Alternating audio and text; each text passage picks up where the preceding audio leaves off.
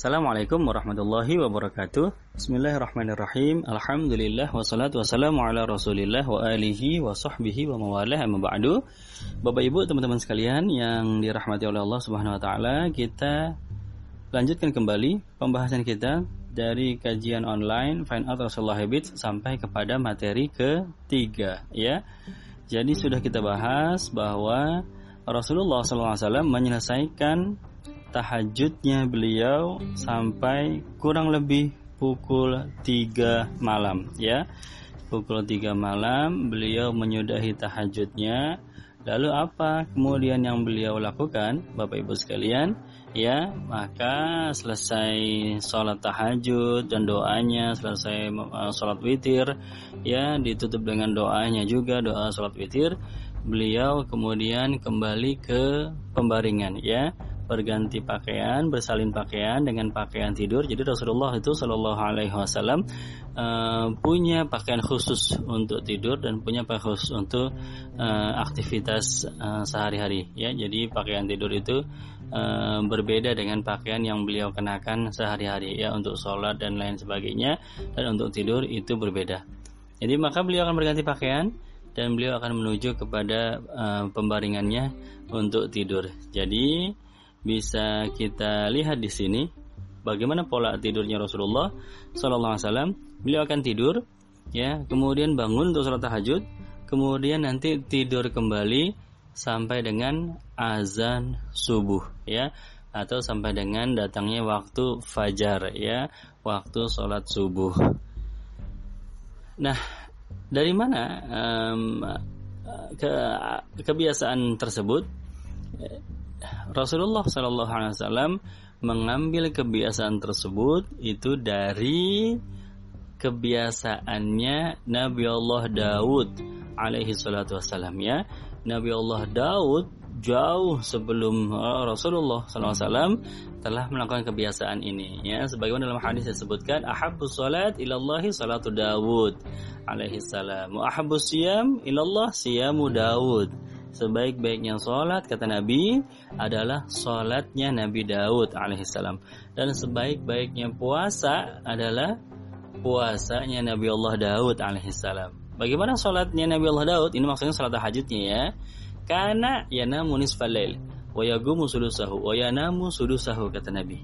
Ya, jadi sholat tahajudnya Nabi Allah Daud yanamu nisfalail. Pertama beliau akan tidur dulu nanti bangun di pertengahan malam nisfal lail.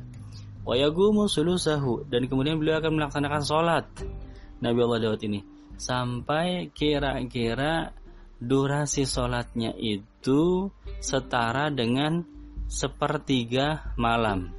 Kita sudah bahas ya sepertiga malam itu durasinya kurang lebih tiga jam setengah ya. Karena satu uh, alail malam itu panjangnya adalah 10 jam setengah. Ya maka kurang lebih sepertiga malam durasinya itu tiga jam setengah.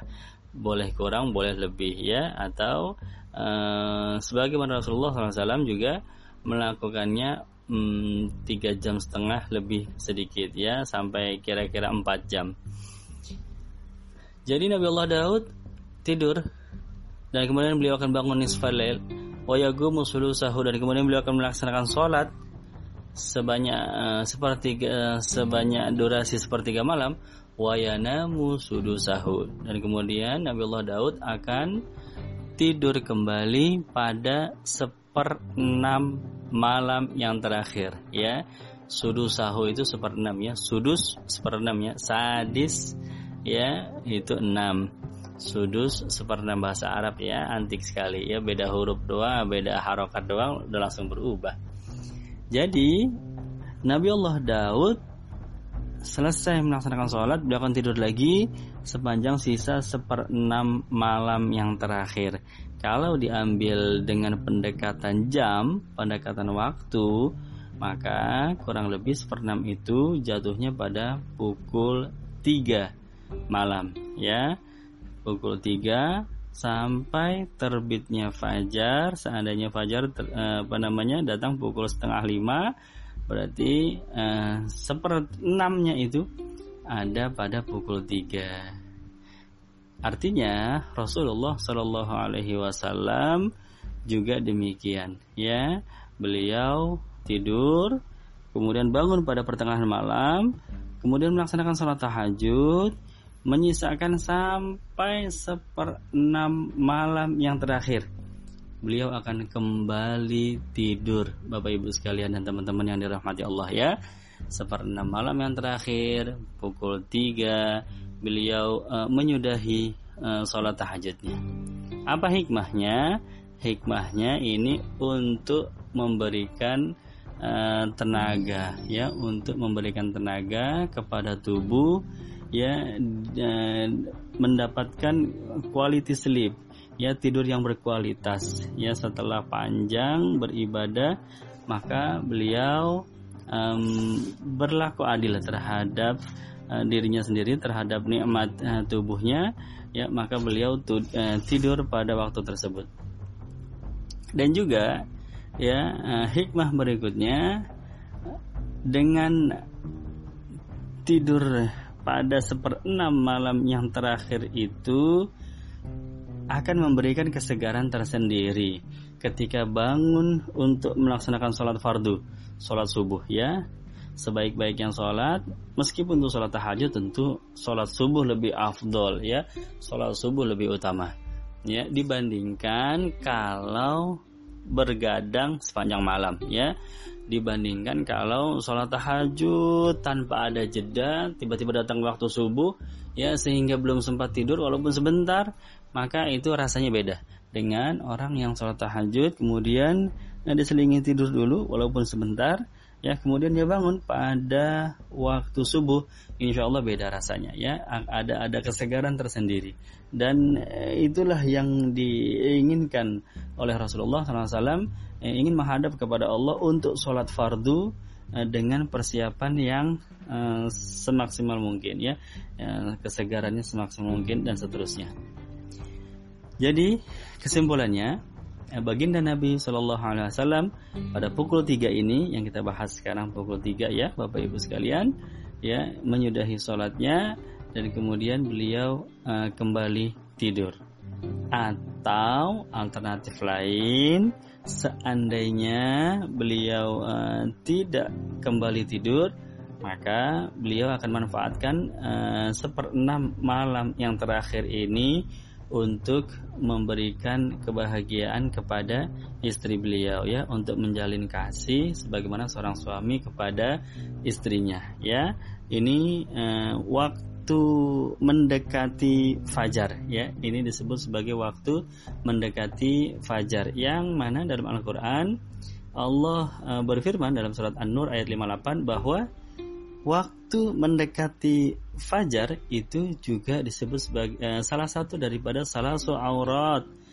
Salah satu di antara tiga waktu aurat ya.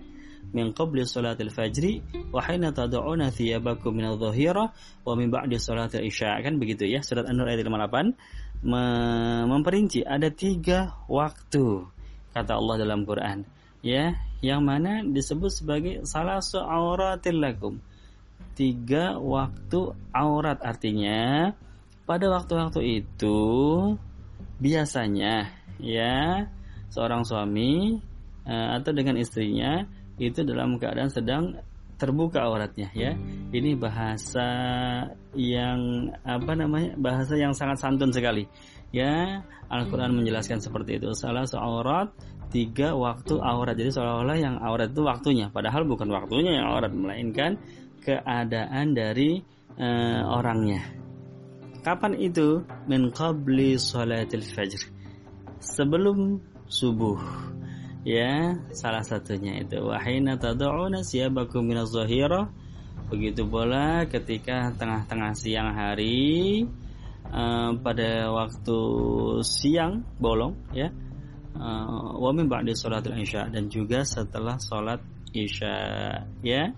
Jadi uh, kesimpulannya bahwa waktu sebelum subuh itu memang waktu yang uh, biasa dimanfaatkan oleh Rasulullah SAW untuk uh, memadu kasih dengan istri beliau Ummahatul Mukminin ya uh, sebelum subuh. Dan uh, keuntungannya, manfaatnya uh, daripada uh, seorang suami bertemu dengan istrinya di awal malam ya itu keuntungannya kalau di akhir malam ya mendekati subuh maka uh, suami istri dapat tidur dalam keadaan uh, suci ya bukan dalam keadaan junub. Ya karena junubnya kan di akhir malam cuma sebentar doang ya. Habis itu datang waktu fajar maka mandi janabah selesai bisa sholat fajar ya sholat subuh. Begitu itu keuntungannya ya. Ini uh, ketika ulama fikih menjelaskan mana yang paling afdol dalam hal uh, suami berkumpul dengan istrinya? Apakah di awal malam atau di akhir malam tentu ulama fikih mengatakan di akhir malam. Ya sehingga apa ini? Um, mereka dapat tidur dalam keadaan suci ya. Walaupun tidak ada salahnya juga ya. Bukan merupakan suatu perbuatan dosa boleh juga. Nggak apa-apa di awal malam ya. Nanti eh, kalau memang tidak belum uh, kalau memang ingin menunda mandi bisa berwudhu dulu sebelum tidur itu juga mengangkat uh, kemakruhan tidur dalam keadaan uh, junub atau dalam keadaan janabah. Baik, Bapak Ibu sekalian, jadi rutinitas Rasulullah Shallallahu alaihi wasallam pada pukul 3 malam ya ada dua alternatif umumnya beliau akan kembali tidur ya. Sampai terdengar azan subuh dikumandangkan oleh Sayyidina Bilal bin Abi Robah ya. Atau itu umumnya ya atau terkadang sesekali ya. Eh, pada waktu-waktu tertentu beliau manfaatkan um, jam 3 ini ya untuk memadu kasih dengan istri beliau ya Ummul Mukminin. Demikian Bapak Ibu, teman-teman sekalian yang dirahmati Allah, mudah-mudahan bermanfaat ya. Insya Allah akan kita sambung kembali apa yang beliau lakukan uh, pada pukul 4 ya besok pada materi keempat Billahi taufiq wal hidayah. Wassalamualaikum warahmatullahi wabarakatuh.